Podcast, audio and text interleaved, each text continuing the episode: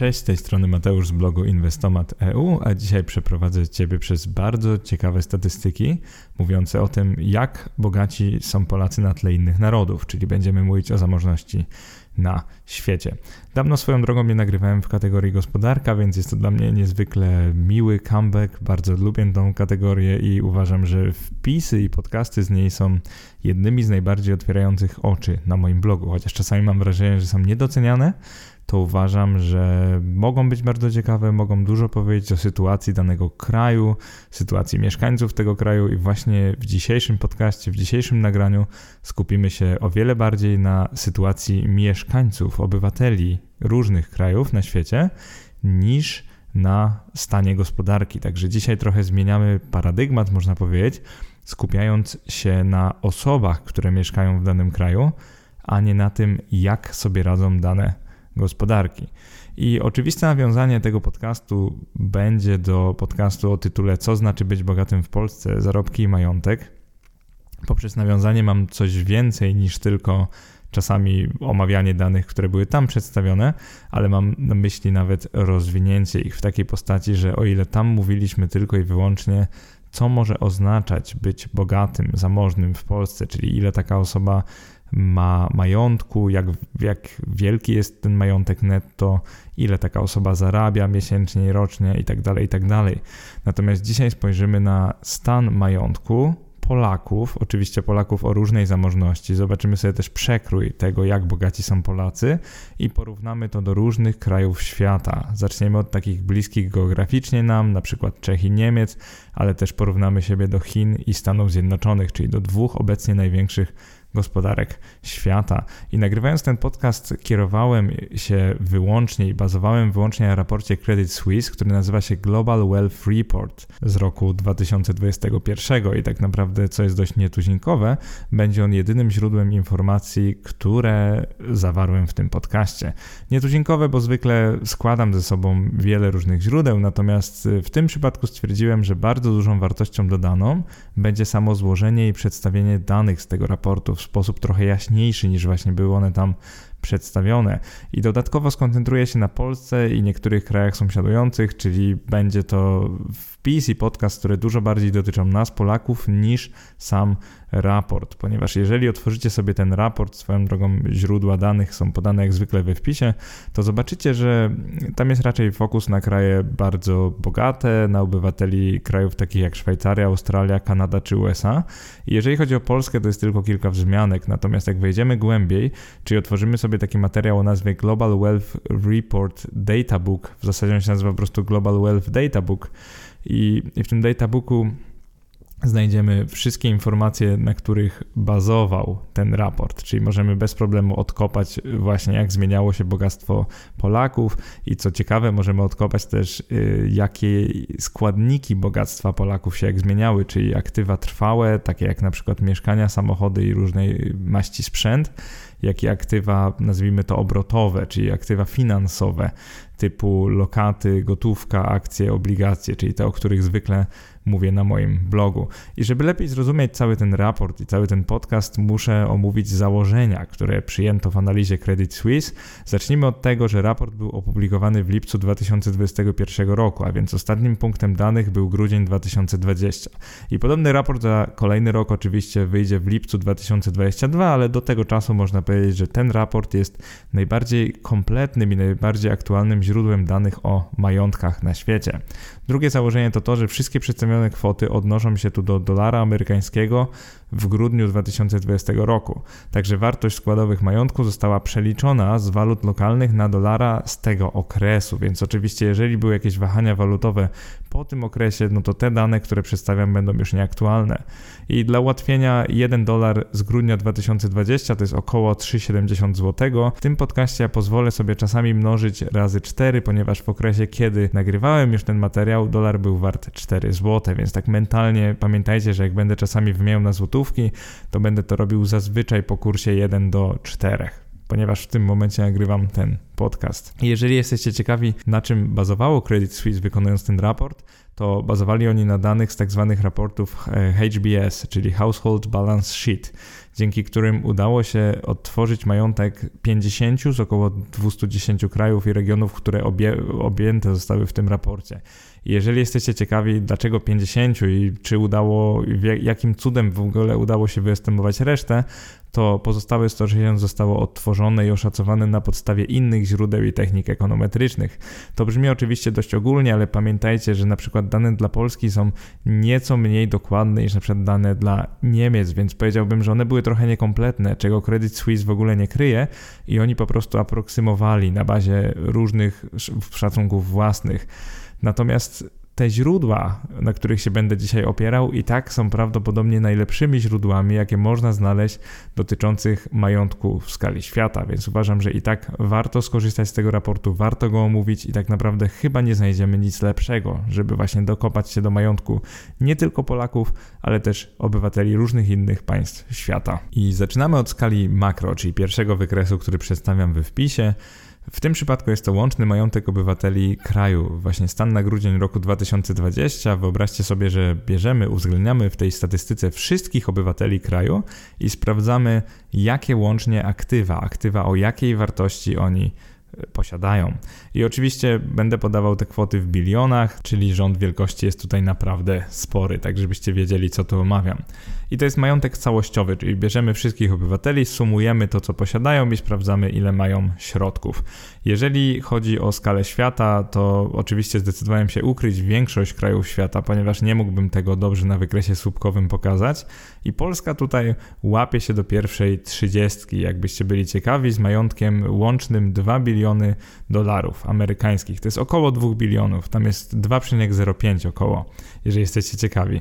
Czy to jest dużo, czy mało? No to weźmy to w perspektywie. Po pierwsze, Szwecja, która ma czterokrotnie mniej obywateli, no dobra, może nie całe czterokrotnie, bo akurat żyłem w Szwecji, więc wiem dokładnie, y, ma łącznie bogatszych obywateli, czyli mają oni 2,6 biliona dolarów, podczas gdy my mamy około 2. To jest tak w perspektywie. Ale żeby się już nie załamywać i nie dobijać, no to powiedzmy sobie też o światowych gigantach. Stany Zjednoczone łączny majątek obywateli 126 bilionów. Wyobraźcie to sobie, jaka to jest różnica skali między nimi a nami. Kolejno Chiny 75 bilionów, czyli zauważcie, jak szybko Chiny gonią Stany Zjednoczone, że może i są oczywiście dużo bardziej ludne, więc na jedną osobę przypada o wiele, wiele mniej majątku niż w Stanach Zjednoczonych, to zobaczcie, jak łącznie, jaką potęgą stały się Chiny w ciągu ostatnich lat. Także łączny majątek w Stanach 126 bilionów, w Chinach 75. Trzecim krajem świata jest Japonia z łącznym majątkiem obywateli wynoszącym 27 bilionów dolarów.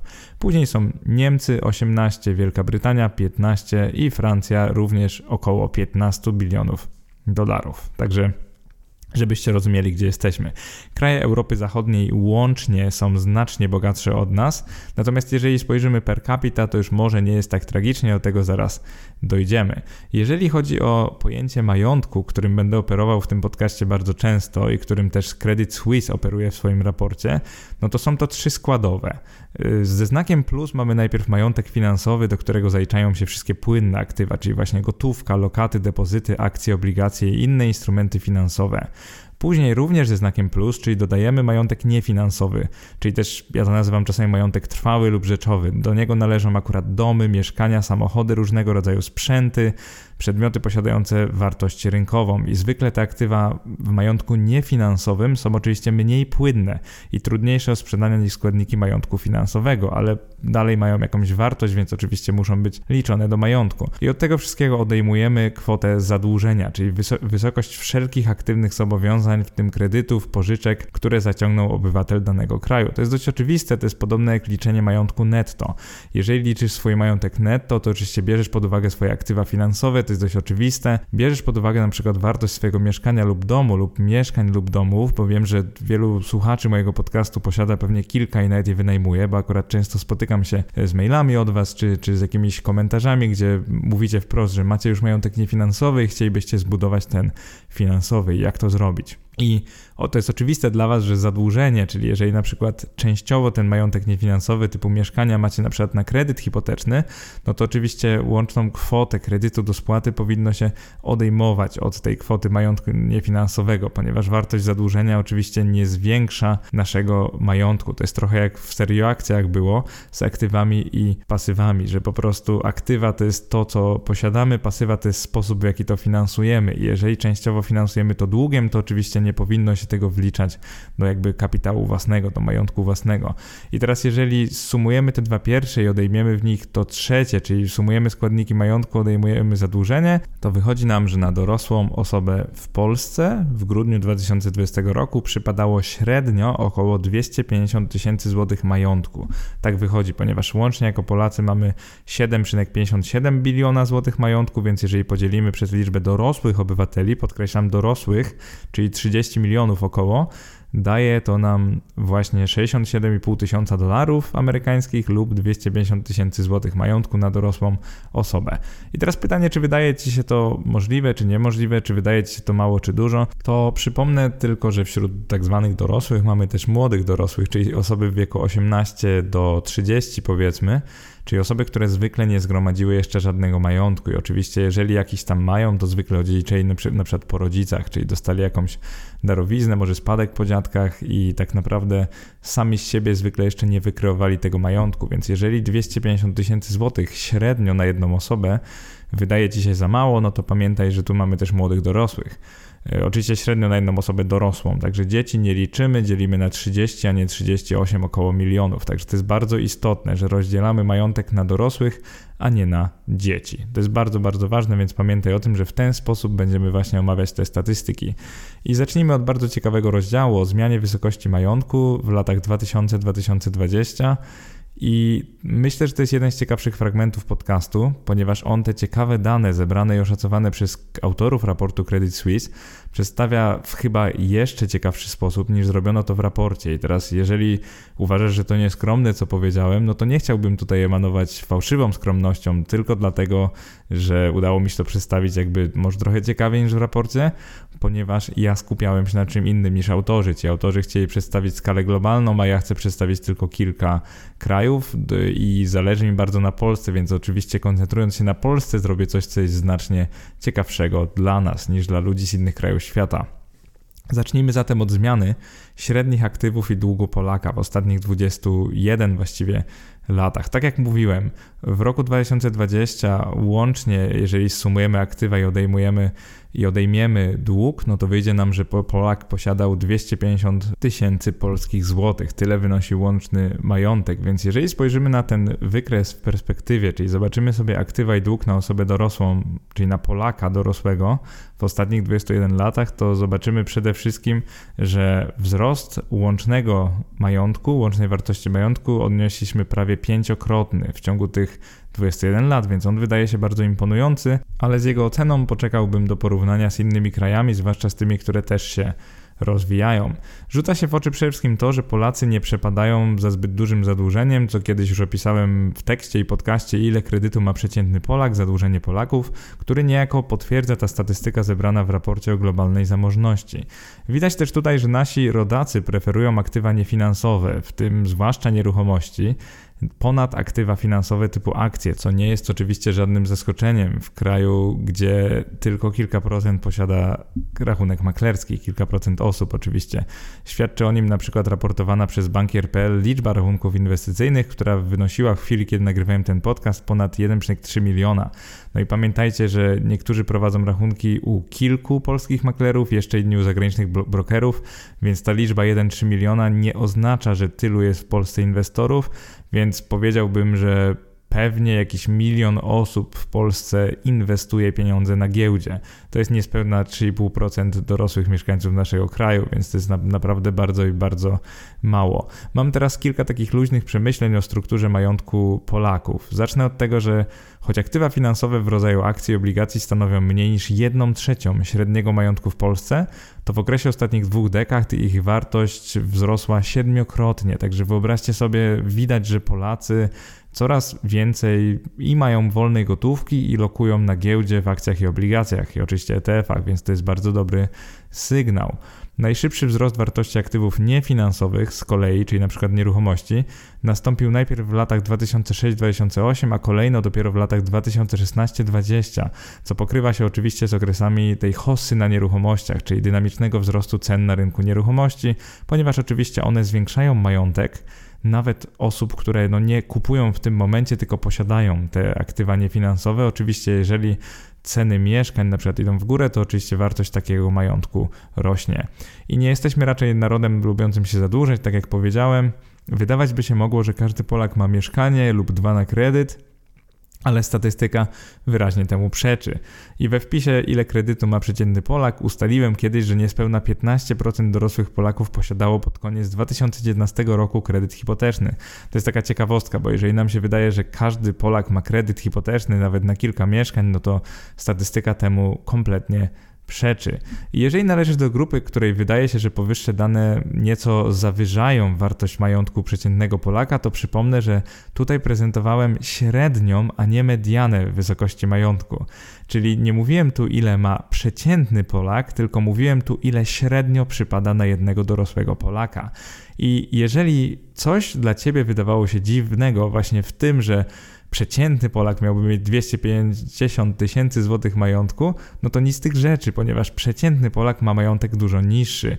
Jeżeli to Cię interesuje, to powiem tylko, że około trzykrotnie niższy, ponieważ mediana majątku, czyli to ile ma środkowy Polak, wynosiło w roku 2020 23,6 tysiąca dolarów, więc to jest około trzykrotnie mniej niż wynosiła ta średnia. Czyli tak jak mówiłem Wam, że 250 tysięcy złotych średnio przypada na jednego dorosłego Polaka, to ten środkowy dorosły Polak ma około trzykrotnie mniej, więc zamiast 250 tysięcy wyobraźcie sobie około 70-80 i tyle naprawdę ma przeciętny Polak, więc mniej niż 100 tysięcy złotych to jest majątek, który przypada na średniego dorosłego w Polsce. No i oczywiście historycznie zawsze było to dużo mniej niż średni majątek, tylko niegdyś, czyli na przykład w roku 2000, w roku 2000 wyglądało to tak, że mediana była około dwukrotnie niższa od średniej, bo wtedy średnia wynosiła około 15 tysięcy dolarów, taki był majątek na osobę w Polsce, natomiast mediana wynosiła 7,5 tysiąca dolarów około, więc średnia do mediany była tak 2 do 1, natomiast w dniu dzisiejszym jest to 3 do 1, także miejmy świadomość, że jakby ci najbogatsi Polacy zawyżają nieco średnią. Natomiast jeżeli chodzi o majątek przeciętnego Polaka, no to obecnie wynosi około 100 tysięcy złotych, trochę mniej, jeżeli odliczymy kredyty i jest to bardzo bliskie mojemu wnioskowi z już bardzo archiwalnego wpisu, ile oszczędza przeciętny Polak. Ten wpis nawet nie miał podcastu, także wyobraźcie sobie, z jak zamieszłych czasów jest ten wpis. I ja wtedy doszedłem do podobnych wniosków, że właśnie środkowy obywatel, czyli ten przeciętny obywatel dorosły naszego kraju, posiada właśnie majątek o równowartości około 100 tysięcy złotych, co zwykle odpowiada no bardzo albo udziałowi w małym mieszkaniu w jakiejś miejscowości, takiej nie największej, albo powiedziałbym, że bardzo małym aktywom finansowym i głównie wartości własnego mieszkania lub domu. I to jest właśnie prawie 2,5 raza mniej niż wynikałoby ze średniej majątku na jedną osobę dorosłą w Polsce, który wynosił, jeszcze raz przypominam, 250 tysięcy złotych. Także przeciętnego Polaka opisałbym jako osobę, która posiada dość tanie mieszkanie własnościowe, czyli mieszkanie o niskiej wartości, a w zasadzie udział w takim mieszkaniu oraz kilka tysięcy złotych na koncie. Więc dodajmy jeszcze, że środkowy Polak nie ma praktycznie aktywów finansowych i może być też lekko zadłużony, na przykład jeszcze spłacać kredyt hipoteczny. Czasami też Polacy są zadłużeni na takie mniejsze wydatki, na przykład zaciągają chwilówki albo mają leasing aktywny lub też ewentualnie zaciągają kredyt gotówkowy. I właśnie tak wygląda teraz majątek Polaka. Także skwitować to można prosto, że średni Polak, ten przeciętny Polak nie jest osobą majętną, nie jest osobą zamożną, ale można powiedzieć też, że dynamicznie dość ta wartość, ta mediana majątku rosła w ostatnich dwudziestu kilku latach. Oczywiście wszystko to jest skalowane do dzisiejszego dolara, także jest to miara nie na dolary z tamtych czasów, tylko na dzisiejszy dolar, więc ten wzrost jest obiektywny. No ale dość już o nas, bo ten wpis i podcast o Polakach mamy już powiedzmy za sobą, a dzisiaj chcielibyśmy przyjrzeć się tym danym w kontekście. Zacznijmy od naszego południowego sąsiada, czyli Czech. I osoby, które myślą, że Czesi są biedniejszym narodem od Polaków, mogą się trochę zdziwić, bo wystarczy spojrzeć na PKB na osobę, czyli PKB per capita, po angielsku GDP per capita, by zobaczyć, że nasz południowy sąsiad rozwija się nieco szybciej od nas. Na obywatela Polski przypada rocznie około 16 tysięcy dolarów PKB, czyli produktu krajowego brutto, natomiast na naszego południowego sąsiada już 23 tysiące dolarów, także więcej o 43%. Przekłada się to oczywiście na wysokość średniego majątku na dorosłego obywatela Czech, który w ujęciu łącznym jest nieco wyższy od tego, który przypada na jednego dorosłego Polaka w roku 2020. Także mamy tu porównanie 78 tysięcy dolarów amerykańskich do 68 niecałych tysięcy dolarów amerykańskich i robi się naprawdę ciekawie, bo struktura średniego majątku, który przypada na jednego dorosłego Czecha jest zupełnie odmienna od tej, która cechuje naszych rodaków. A czym się różnią te dwie struktury majątku? Przede wszystkim tym, że Czesi posiadają znacznie mniej aktywów niefinansowych od nas, czyli tych na przykład nieruchomości, Natomiast w segmencie aktywów finansowych kompletnie dominują średnią wartość, która przypada na Polaka, ponieważ na dorosłego Czecha przypada średnio 42 tysiące dolarów majątku finansowego, a na dorosłego Polaka tylko 22 tysiące dolarów. To jest oczywiście średnia, a nie mediana. Znowu to przypominam. I jeszcze ciekawiej robi się, gdy spojrzymy na mediany majątku Czecha, i tu się okazuje, że przeciętny Czech nie jest wcale bogatszy od przeciętnego Polaka. Tak naprawdę ma równowartość majątku bardzo podobną do przeciętnego Polaka, czyli około 23-24 tysięcy dolarów. Tyle posiada ten środkowy statystyczny Czech. Czesi natomiast wyprzedają nas, jeżeli chodzi o średnią, także majątek, który średnio przypada na jedną dorosłą osobę, jest wyższy niż w Polsce. I to można interpretować innymi tak, że zarówno statystyczny Polak, jak i statystyczny Czech są osobami o pewnym majątku trwałym i prawie zerowych oszczędnościach w formie płynnej, i nie mówiąc już o aktywach finansowych. No i niestety dla nas autorzy raportu nie podzielili na kategorie już danych dotyczących mediany majątku, więc można tylko domniemywać, że jej rozkład przypomina nieco rozkład średniego majątku, więc przeciętny Czech może mieć trochę więcej akcji i obligacji od przeciętnego Polaka, natomiast stale ma tego majątku bardzo, ale to bardzo mało, ponieważ mniej niż 100 tysięcy złotych, tak około 100 tysięcy złotych, tyle przypada na przeciętnego Czecha. A skoro już jesteśmy przy krajach wschodzących, to może spójrzmy na takiego lidera w rynkach wschodzących, czyli Chiny. Jeżeli przyjrzymy się wzrostowi średniej wysokości aktywów na jednego Chińczyka, czyli na jednego mieszkańca Chin, wyrażonych w dolarze, widać przede wszystkim bardzo duży wzrost wartości chińskiego juana do dolara w latach 2005-2010. Także kiedy ten wzrost, wydawać by się mogło, majątku przyspieszył, no to to było głównie sterowane tym, że chińska waluta się umacniała wobec dolara, więc nawet abstrahując od tego, powiedziałbym, że i tak majątek Chińczyków rośnie w tempie naprawdę oszałamiającym. Od razu z tego wykresu widać, że no, wartość średniego majątku, który przypada na Chińczyka, wyrażona w dolarach, wzrosła ponad dziesięciokrotnie w ciągu tego okresu 21 lat, a majątku rzeczowego ponad 15-krotnie. Także to jest dość niesamowite. Jeżeli spojrzycie sobie na skalę wzrostu, to czegoś takiego nie widzieliśmy ani dla Polski, ani dla Czech. No i ten wzrost wygląda bardzo równomiernie, powiedziałbym nawet, że zbyt równomiernie, więc ocenę wiarygodności danych wykresów pozostawiam Tobie. Pod względem zadłużenia mieszkańcy państwa środka wypadają równie konserwatywnie co Polacy, różnią się tylko strukturą aktywów. Także zupełnie tak w przypadku Polski, średnio na jednego Chińczyka przypada mniej więcej tyle samo aktywów finansowych, co aktywów niefinansowych. Także tą wyraźną preferencję do aktywów niefinansowych, takich jak nieruchomości, mamy akurat my.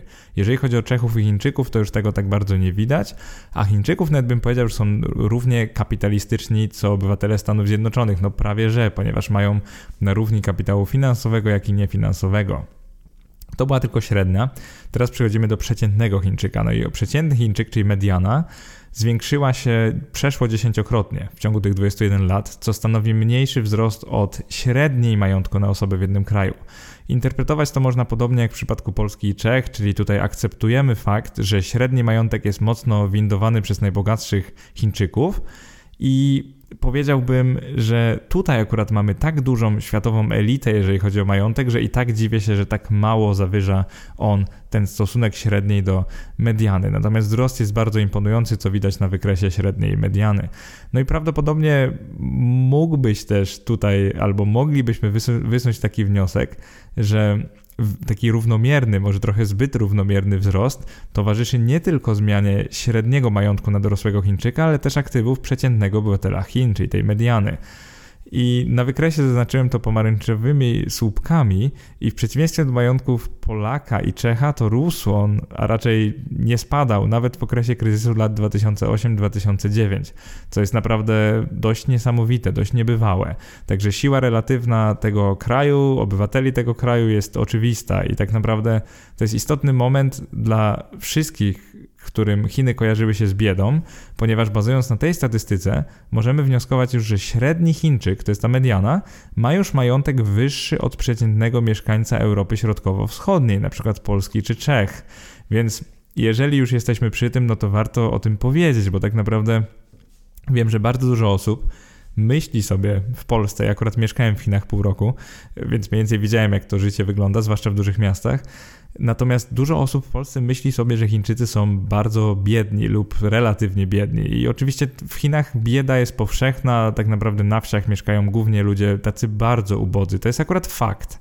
Natomiast chińska klasa średnia robi się już tak duża, te korporacje już tak windują rynek, płace i wartość majątku, że naprawdę moglibyście się zdziwić, jakbyście zobaczyli, jak w chińskich miastach wygląda życie, jak to jest rozwinięte i jak właśnie taka przeciętna osoba w niczym nie odstaje, jeżeli chodzi o zamożność od obywatela Europy Wschodniej przynajmniej, bo zachodniej jeszcze odstaje. I jeżeli już jesteśmy przy Europie Zachodniej, no to spójrzmy na średnie aktywa i dług Niemca. I tutaj wrzucamy nieco wyższy bieg, ponieważ nie będzie tu wzrostu, który dorównuje Polakom, Czechom ani Chińczykom. Mam na myśli majątkowi Polaków, Czechów i Chińczyków, ale ciężko by nie spojrzeć z takim dużym dość szacunkiem na skalę majątku, który średnio przypada na jednego dorosłego obywatela Niemiec, ponieważ pod koniec 2020 roku na jednego dorosłego za naszą zachodnią granicą przypadło prawie 180 tysięcy dolarów aktywów niefinansowych tylko, oraz 125 tysięcy dolarów aktywów finansowych, czyli w sumie aż 305 tysięcy dolarów amerykańskich lub jeśli wolisz ponad milion złotych, 1-2 miliona złotych w chwili obecnej. Co więcej, Przeciętna wartość zadłużenia wyniosła przy tak wysokiej wartości aktywów tylko 35 około tysięcy dolarów, czyli mniej niż 150 tysięcy złotych. Także Niemcom można naprawdę pozazdrościć konserwatywnego podejścia o zadłużania się, z którego są zresztą znani, oraz wysokiej średniej dotyczącej zarówno majątku trwałego, jak i aktywów finansowych. No i ciekawość tutaj budzi struktura majątku, która nie jest co prawda jeden do jednego, jak było w przypadku Chin, także jest tak mniej kapitalistycznie, to jednak przeciętnie na jednego Niemca podkreślam przeciętnie na Niemca, czyli to jest średnia, przypada bardzo, ale to bardzo dużo aktywów finansowych, około pół miliona złotych, nawet bym powiedział, że ponad. Więc to jest bardzo, bardzo dużo. Więc jakby Niemcy słyną z oszczędności, posiadają aktywa finansowe, a nie tylko własną nieruchomość, w której mieszkają. Tak naprawdę po tej strukturze powiedziałbym więcej. Ona wskazuje na to, że duża część Niemców albo wynajmuje mieszkania, albo nawet nie spłaciła jeszcze kredytu na swoją własną nieruchomość, więc tak naprawdę oni posiadają aktywa finansowe, mimo że jeszcze nie posiadają w pełni swojej nieruchomości. No i jak w każdym kraju, jeżeli spojrzymy teraz na medianę, czyli zobaczymy ile taki prawdziwie przeciętny Niemiec posiada majątku, no to się okaże, że nie jest już tak wesoło, nie jest już tak różowo, jak wyglądało to dla średniej. Choć na jednego dorosłego Niemca przypada ponad milion złotych majątku netto, jak odejmiemy zadłużenie, to przeciętna osoba w kraju nad Renem ma w swoim posiadaniu już czterokrotnie mniej, czyli równowartość około 65 tysięcy dolarów lub jak wolisz 250 tysięcy złotych. Także to jest i tak sporo. Czyli można tak w skrócie wywnioskować, że przeciętny, taki środkowy Niemiec posiada równowartość majątku taką, jak średnio przypada na przykład na jednego Polaka. To jest trochę zawiłe, ale chodzi o to, że no to jest kilkukrotnie więcej niż przeciętny Polak, to co było chyba oczywiste i każdy z nas y, wiedziało to zanim przesłuchał ten podcast. Natomiast warto widzieć tą taką dużą różnicę między tymi liczbami, bo tak naprawdę między przeciętnym Niemcem a średnim majątkiem, który przypada na Niemca, mamy czterokrotną różnice, więc to jest naprawdę dużo. I jeżeli chodzi o tą nierówność jeszcze 21 lat temu, to dla Niemiec było to nawet to była ponad sześciokrotna różnica, ponieważ w roku 2000, w roku 2000 przeciętny Niemiec miał 15 tysięcy dolarów amerykańskich majątku, natomiast średnio na Niemca przypadało 96 tysięcy dolarów. Także wyobraźcie sobie, jak to wygląda. Jeżeli chodzi o skalę wzrostu, to oczywiście dużo szybciej rośnie mediana, także ta przeciętna osoba szybciej się bogaci niż średni majątek, który przypada na Niemca. To wskazuje mniej więcej na to, co zawsze, czyli pewną taką stagnację ogólnej gospodarki, że jak już obywatele są bardzo bogaci, to już ten wzrost, chociaż nominalnie on jest ogromny, ogromny, naprawdę nominalnie on robi różnicę, to procentowo on już nie jest taki imponujący jak na przykład dla Chin. Także mimo, że wzrost mediany majątku jest w Niemczech bardzo imponujący, to procentowy wzrost średniej już nie. On wskazuje na pewną stagnację i tak jak mówię, to jest dość typowe dla gospodarek rozwiniętych, których PKB już rośnie dosyć powoli albo nawet się kurczy. I teraz przechodzimy do lidera światowego, czyli do Ameryki, Stanów Zjednoczonych Ameryki Północnej oczywiście. I jeżeli zaimponowała Ci skala majątku, który przypada na jednego Niemca, to z pewnością jeszcze większe wrażenie zrobi na Tobie bogactwo w posiadaniu obywateli Stanów Zjednoczonych. Bowiem na jedną osobę dorosłą w USA przypada równowartość nie jednego miliona, a ponad dwóch milionów polskich złotych z czego większość, bo ponad 70% stanowią aktywa finansowe. Także Stany Zjednoczone różnią się bardzo od czterech wcześniej opisywanych krajów nie tylko skalą tej średniej wartości aktywów, skalą średniego majątku, który przypada na osobę, ale też ich strukturą. I tym, że tak naprawdę wzrosło ono w ujęciu procentowym w ciągu dwóch dekad dość nieznacznie. Oczywiście to jest imponujący wzrost, bo to jest tam ponad dwukrotny.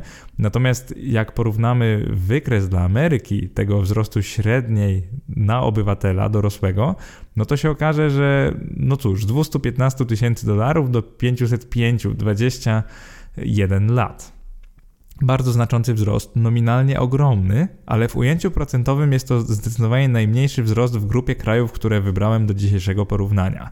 Jeżeli zobaczycie ten wykres, to dojdzie do Was, że no, Amerykanie zawsze bardziej stawiają na aktywa finansowe i one są bardziej tam popularne i chyba ciężko się temu dziwić, ponieważ jest to największa giełda świata, ponad połowa obywateli w ten czy inny sposób inwestuje na rynkach akcji, zwłaszcza oczywiście amerykańskim, bo to w pewnym sensie patrioci i ciężko się dziwić, że tam akurat aktywa finansowe tak bardzo dominują nad niefinansowymi.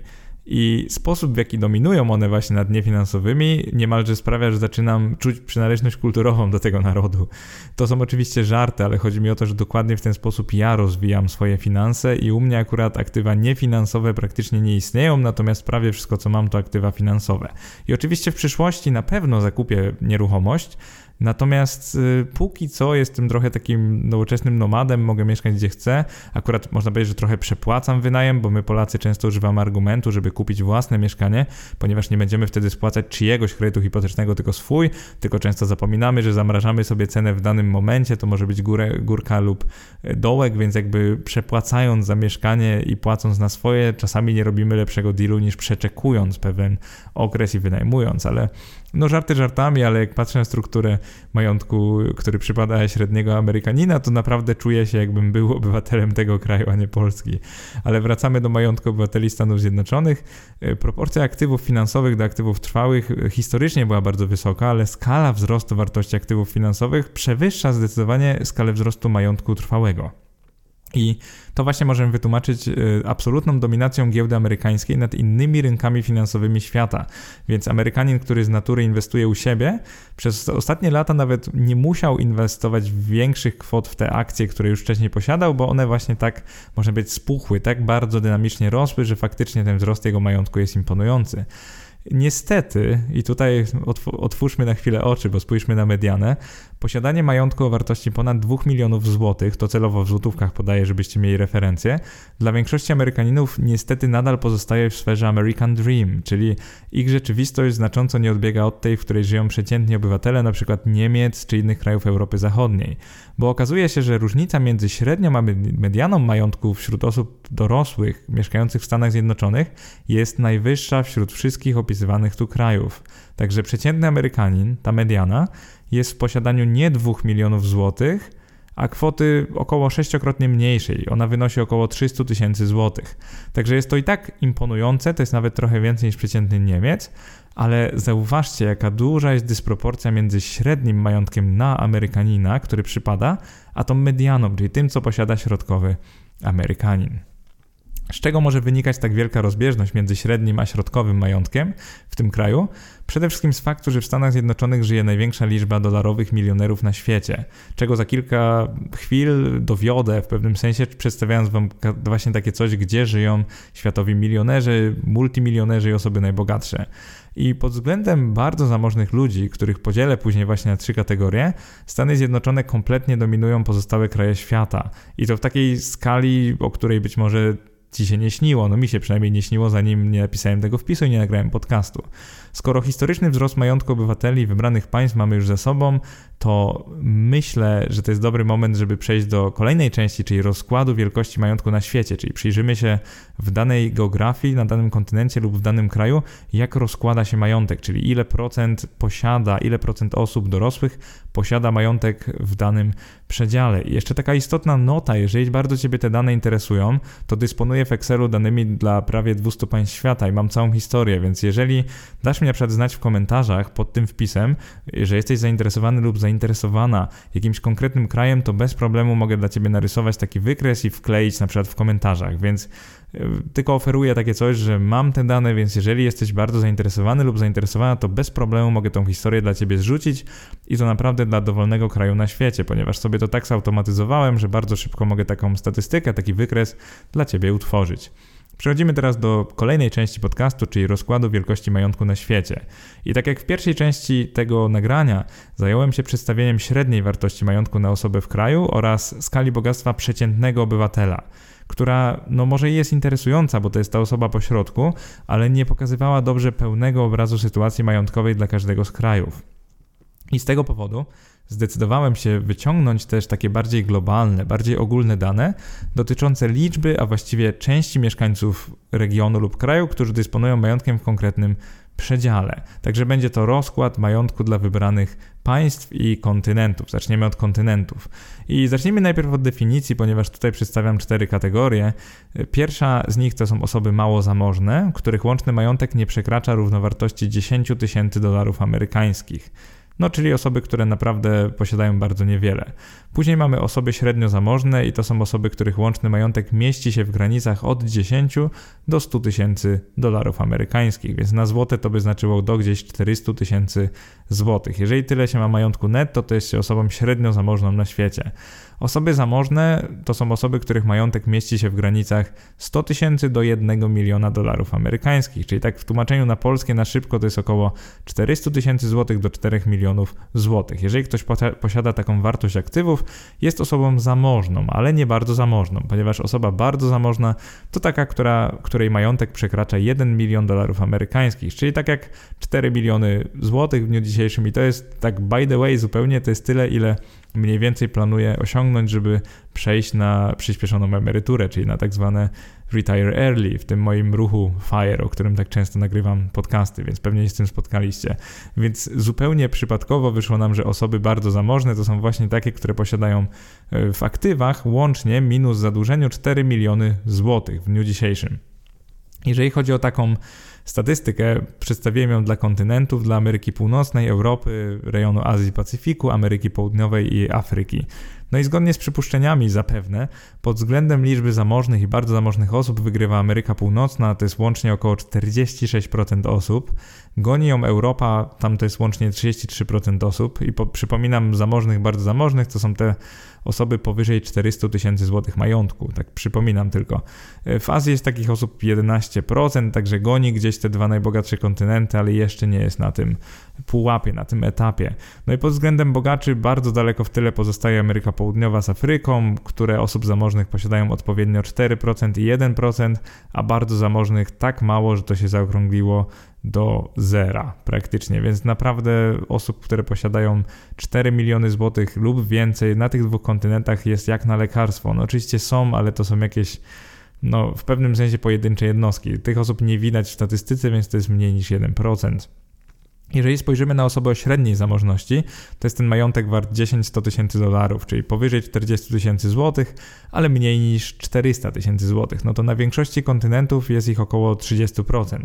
No i z jednym wyjątkiem, tutaj akurat wyjątek to jest Afryka, na której, czy tam w której znajdziemy takich osób około 10%. Także osób, no akurat tu przeważają osoby mało zamożne, no których proporcja w Afryce jest przeważająca, to jest praktycznie 90%, to są osoby mało zamożne, czyli o majątku nie przekraczającym 40 tysięcy złotych, a przynajmniej tak wynika z raportu, które przygotowało Credit Suisse, także to jest bardzo mało. I żeby przedstawić e, już pełną statystykę, muszę jeszcze dodać, że takich osób mało zamożnych w Ameryce Północnej i Europie jest dosyć niewiele, bo to jest odpowiednio 26 i 33 ale właśnie w Azji, Ameryce Południowej, Afryce jest to zdecydowanie najliczniejsza grupa, bo ona w każdym, na każdym z tych kontynentów przekracza 60% obywateli.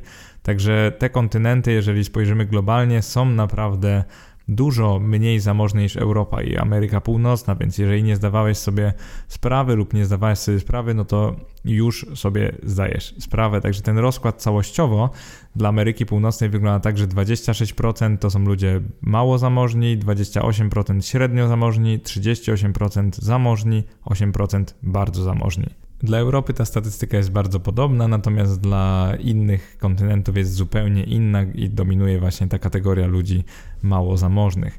Jeżeli chodzi o taki rozkład majątku według kraju, to tutaj, żeby było ciekawie, zdecydowałem się wybrać cztery najzamożniejsze kraje na świecie i Polskę. Jeżeli chodzi o te kraje bardzo zamożne, mam na myśli te, w których udział tych najbogatszych ludzi jest najwyższy i to jest m.in. Szwajcaria, Australia, Luksemburg i Stany Zjednoczone i tam tych bogaczy, takich prawdziwych, czyli majątek powyżej 4 milionów złotych, w Szwajcarii jest ogromny, 15% takich osób tam rezyduje, w Australii 9%, w Luksemburgu 9%, w Stanach Zjednoczonych też 9%. No i ten rozkład w Australii, Luksemburgu i Szwajcarii jest taki, że przeważa zdecydowanie ta grupa osób zamożnych, czyli powyżej 400 tysięcy złotych. W Stanach też przeważa, natomiast tych biedniejszych jest więcej. Natomiast jak spojrzymy na Polskę, no to u nas przeważa zdecydowanie grupa od 40 tysięcy złotych do 400 tysięcy złotych i to jest 65% obywateli. Jeżeli dalej omawiamy Polskę, to osób mało zamożnych mamy tutaj 20%. To jest ta równowartość majątku poniżej 40 tysięcy złotych. No jak sobie porównamy Polskę do na przykład niektórych biednych kontynentów, to można powiedzieć, że jesteśmy krajem dość rozwiniętym, bo jednak tych osób biednych jest u nas 20%, a nie na przykład jak w Afryce 90%, więc optymista by powiedział, że nie jest tak źle. Natomiast jak obiektywnie spojrzymy sobie, gdzie jesteśmy wobec krajów bardzo, bardzo zamożnych, no to jednak ta skala naszego majątku to pięknie pokazywała mediana właśnie, że ta osoba jest typowo w tym drugim przedziale, czyli osób średnio zamożnych, właśnie wygląda tak, że mamy ich 65% wszystkich. Natomiast osób zamożnych powyżej 400 tysięcy złotych majątku netto 15% dorosłych, a osób bardzo zamożnych, czyli przypominam, powyżej 4 milionów złotych około 1%, także to wygląda dość mizernie w porównaniu do krajów bardzo bogatych i co zobaczymy jeszcze w kolejnej rundzie statystyki. No i w Polsce zupełnie tak jak przypuszczałem, dominuje taka niższa i wyższa klasa średnia, także klasa średnia ogólnie dominuje. Natomiast osób bardzo zamożnych no nie mamy tak dużo. Czyli według autorów raportu prawie 5 milionów dorosłych Polaków ma łączny majątek w wysokości przynajmniej 400 tysięcy złotych. Czy to jest dużo, czy mało, no to możesz sobie samemu to ustalić, tak naprawdę to jest bardzo uznaniowe. Mi się to wydaje wynikiem dość niezłym i zgodnym z prawdą, bo mniej więcej tak jak patrzę na polskie ulice, to mniej więcej właśnie mi się tak wydaje, że jednak te 15 czy 16% osób dorosłych w Polsce jest dość zamożna. Nie bardzo zamożna, ale dosyć zamożna. Następnym rozdziałem będzie udział zamożnych ludzi na świecie. Także zamożnymi nazwałem przed chwilą osoby posiadające aktywa o wartości pomiędzy 100 tysięcy dolarów a 1 milion, 1 miliona dolarów, a bardzo zamożnymi osoby o majątku powyżej progu wartości 1 miliona dolarów. I w tym rozdziale sprawdzimy, jak osoby o majątku powyżej każdego z tych progów są rozłożone w zależności od kraju, w którym rezydują, w kraju, którego są obywatelami. Także odpowiemy sobie na dwa pytania. W jakich krajach żyją ludzie o majątku powyżej 100 tysięcy dolarów i zobaczymy, gdzie jest ich ile procentowo w skali świata i w jakich krajach żyją ludzie o majątku powyżej 1 miliona dolarów. Także zacznijmy od tego niższego progu, czyli osoby, które posiadają równowartość przynajmniej 400 tysięcy złotych na świecie, gdzie one są rozlokowane. No to w Polsce jest takich osób dość niewiele, 0,7%, tak żebyście mieli coś do porównania. Najwięcej jest ich w Chinach, 22,5%. No, Chiny są krajem bardzo ludnym i jak widać w tej skali majątku posiadają bardzo dużo obywateli. Później są Stany Zjednoczone, 17,7%, także o 5 punktów procentowych prawie mniej niż Chiny, ale i tak bardzo dużo. Pamiętajcie, że w Chinach jednak mieszka dużo, dużo więcej osób. Tam mieszka ponad czterokrotnie więcej ludzi niż w Stanach Zjednoczonych, także warto to wiedzieć. Więc oczywiście, jeżeli Chińczycy stanowią 22,5% ludzi, którzy posiadają ten właśnie majątek powyżej 100 tysięcy dolarów, no to pamiętajcie, że to jest 22,5%, ale z populacji czterokrotnie większej niż Stany, gdzie to jest 17,7% całego świata. Kolejna jest Japonia, która wyhodowała sobie 9% światowej takiej klasy jeszcze nie milionerów, ale osób zamożnych, powiedzmy. Niemcy 5%, niecałe Francja 4,6%, Wielka Brytania 4,5%, później są Włochy, Korea Południowa, Hiszpania, Kanada, Indie. Indie mają zaskakująco mało, bo to jest 2,5% całego świata, więc jak na swoją populację, to takich osób wcale nie mają tak dużo. Australia, Tajwan, Holandia, Meksyk, Belgia i dopiero Polska z tym wynikiem 0,7. I co jest ciekawe, to co tutaj powiedziałem, to pamiętajcie, że przedstawiłem tylko kraje, w których jest najwięcej obywateli o takim majątku, tak jakby w skali świata, ile procent ludzi z takim majątkiem pochodzi z danego kraju. I wszystkie inne kraje świata, i tam jest ponad 180, to jest pozostałe 13,7% takich osób powyżej 400 tysięcy złotych majątku.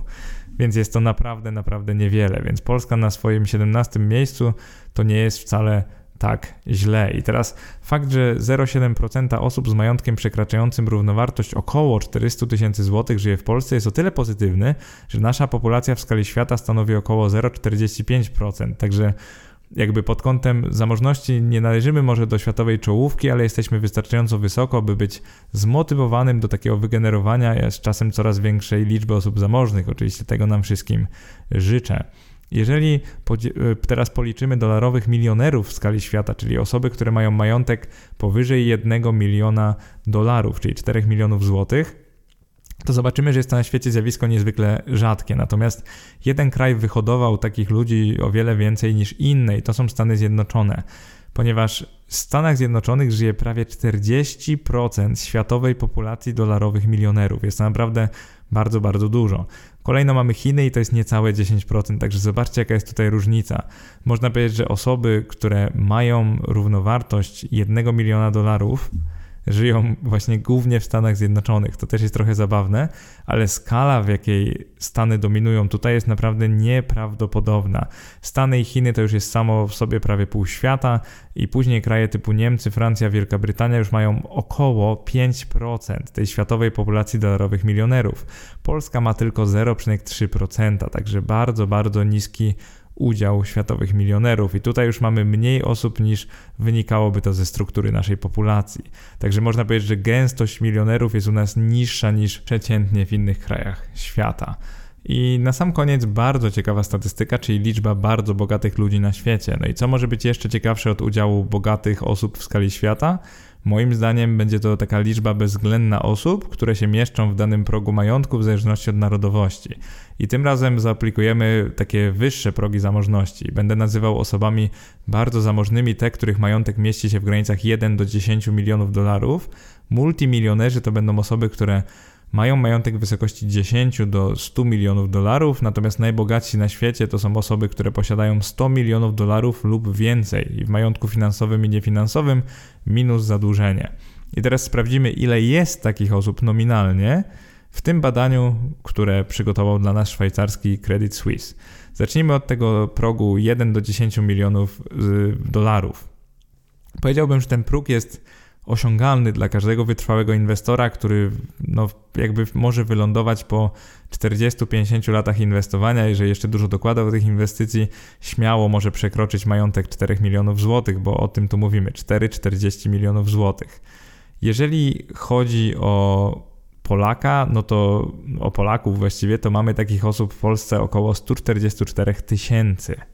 Czy to jest dużo, czy mało? No, przede wszystkim zauważmy, że to jest bardzo duża rozpiętość, czyli powyżej 4 milionów złotych, ale do 40 to tak naprawdę może być osoba właśnie mająca 4-5 milionów, czyli taka osoba tak naprawdę, która pracowała na etacie lub miała małą firmę i sobie inwestowała, a może być to właściciel właśnie już takiej średnio większej firmy, który po prostu ma około 40 milionów złotych majątku. Także mamy tu bardzo różnych ludzi. Polska wyhodowała takich osób 144 tysiące, dużo czy mało, no to porównajmy sobie do Stanów Zjednoczonych, gdzie jest to ponad 20 milionów osób, 144 tysiące wobec 20 milionów. Tyle właśnie w Stanach żyje osób, które mają majątek w przedziale 1 do 10 milionów dolarów. W Chinach jest to około 5 milionów, w Japonii około 3,6 miliona, w Niemczech niecałe 3 miliony, w Wielkiej Brytanii ponad 2, we Francji ponad 2. No i oczywiście tam są kolejne kraje. U nas, y, zanim będzie to milion, to musi minąć naprawdę wiele, wiele lat. Także nasza populacja tych dolarowych milionerów i osób właśnie do 10 milionów dolarów, można powiedzieć, że jest bardzo, bardzo niska. No i pewnie rzuciło ci się w oczy, jeżeli przeglądasz to na YouTubie albo czytasz też wpis, to, że wśród krajów o większej liczbie osób bardzo zamożnych znalazły się m.in. Szwecja, Belgia lub Austria, których populacje są znacznie niższe od liczby ludności Polski. Także nie ma się co temu dziwić, ponieważ te kraje należą do czołówki krajów rozwiniętych na świecie, więc oczywiście trudno porównywać z nimi narody na dorobku które były w takiej sytuacji geopolitycznej jak e, Polska przez te wiele, wiele lat, więc jakby ciężko tutaj porównywać siebie do nich i tak naprawdę może nie powinniśmy tego robić. Nie tylko, żeby budować kompleksy albo ich nie budować raczej, ale myślę, że nie ma sensu specjalnie tego porównywać. Kolejno sprawdźmy, ile jest w Polsce i w innych krajach posiadaczy powyżej 10 milionów dolarów. Także tutaj mamy majątek już taki naprawdę wysoki 40 milionów złotych, a i tu mamy już, no cóż, nie, nie wiem, czy się tego spodziewasz, ale 400 milionów złotych. Także to są już właściciele średnich, dużych, bym powiedział właściciele dużych firm jeszcze, którzy osiągają sukcesy. No i tutaj, jeżeli chodzi o statystykę światową, to znowu Stany dominują kompletnie, bo jest to ponad milion, 1,4 miliona osób. W Chinach jest to już niecałe 200 tysięcy, w Niemczech niecałe 100 tysięcy, w Japonii, Francji, Wielkiej Brytanii około 50 tysięcy, a w Polsce jest to niecałe 5 tysięcy osób. Także w Polsce niecałe 5 tysięcy dorosłych osób posiada majątek w przedziale 40 do 400 milionów złotych. No i to się mniej więcej spina z tym, co pokazuje Forbes. Ono oczywiście pokazuje osoby najbogatsze, a to są osoby takie, które jeszcze nie wchodzą może do tej listy Forbesa, są gdzieś blisko, żeby do niej wejść, tego top 100. Natomiast y, ta liczba 4-7 tysiąca osób bardzo mnie przemawia, że to są faktycznie ci pretenderzy do y, bycia najbogatszymi osobami w przyszłości, więc właśnie Niecałe 5 tysięcy dorosłych mieszkańców Polski posiadało na początku 2021 roku więcej niż 40 milionów, ale mniej niż 400 milionów złotych majątku. Także nie wiem, czy Ciebie to dziwi. Jedyne, co może dziwić ewentualnie, to jest dysproporcja między Stanami a resztą świata, no bo Stany takich osób mają naprawdę grubo ponad połowę osób z takim majątkiem mają Stany i to naprawdę bardzo wydatnie widać na tym wykresie, który jest we wpisie. Jeżeli chodzi o posiadaczy ponad 100 milionów dolarów, to są już ludzie naprawdę obrzydliwie bogaci. Można powiedzieć, że już oni podchodzą pod miliarderów. Nie wszyscy mają oczywiście miliard złotych, ponieważ 400 milionów złotych nie oznacza miliard, natomiast tu się też łapią miliarderzy. To są osoby najbogatsze na świecie. To w Stanach mamy ich około 30 tysięcy, w Chinach około 10 tysięcy. I tu też jest ciekawe, bo w tej statystyce wyraźnie widać, że relatywnie Chiny mają więcej multimilionerów, takich naprawdę, mam na myśli osób najzamożniejszych, mają relatywnie więcej niż miały osób w tym takim średnim przedziale. Także osób takich bardzo, bardzo zamożnych jest w Chinach tylko trzy razy mniej niż w Stanach, więc to jest jakaś mała różnica już. W Polsce takich osób mamy 0,2 tysiąca, czyli około 200. I to się nawet spina, czyli około 200 mieszkańców z Polski może się pochwalić majątkiem wyższym od 100 milionów dolarów amerykańskich, czyli w chwili obecnej 400 milionów złotych. Jeżeli byśmy to sobie zestawili z listą top 100 Forbesa, no to mniej więcej jest to spójne. Powiedziałbym, że faktycznie to się pokrywa statystyką Credit Suisse. I relatywnie wysoką liczbę najbogatszych obywateli świata mają także Niemcy, Wielka Brytania, Indie, Japonia, Rosja i Szwajcaria, co chyba nie jest dla nikogo zaskoczeniem. Zaskoczeniem może być jedynie skala, z jaką właśnie Stany i Chiny zdominowały całą resztę świata, jeżeli chodzi o liczbę osób najzamożniejszych na świecie. I oczywiście próżno w tych statystykach szukać większej liczby mieszkańców naszego kraju, zakładając, że nie zmieni się podejście prawno-podatkowe do prowadzenia biznesu w Polsce, która stale na przykład zajmuje bardzo odległe miejsce, bo 40 miejsce w rankingu prostoty prowadzenia biznesu na całym świecie.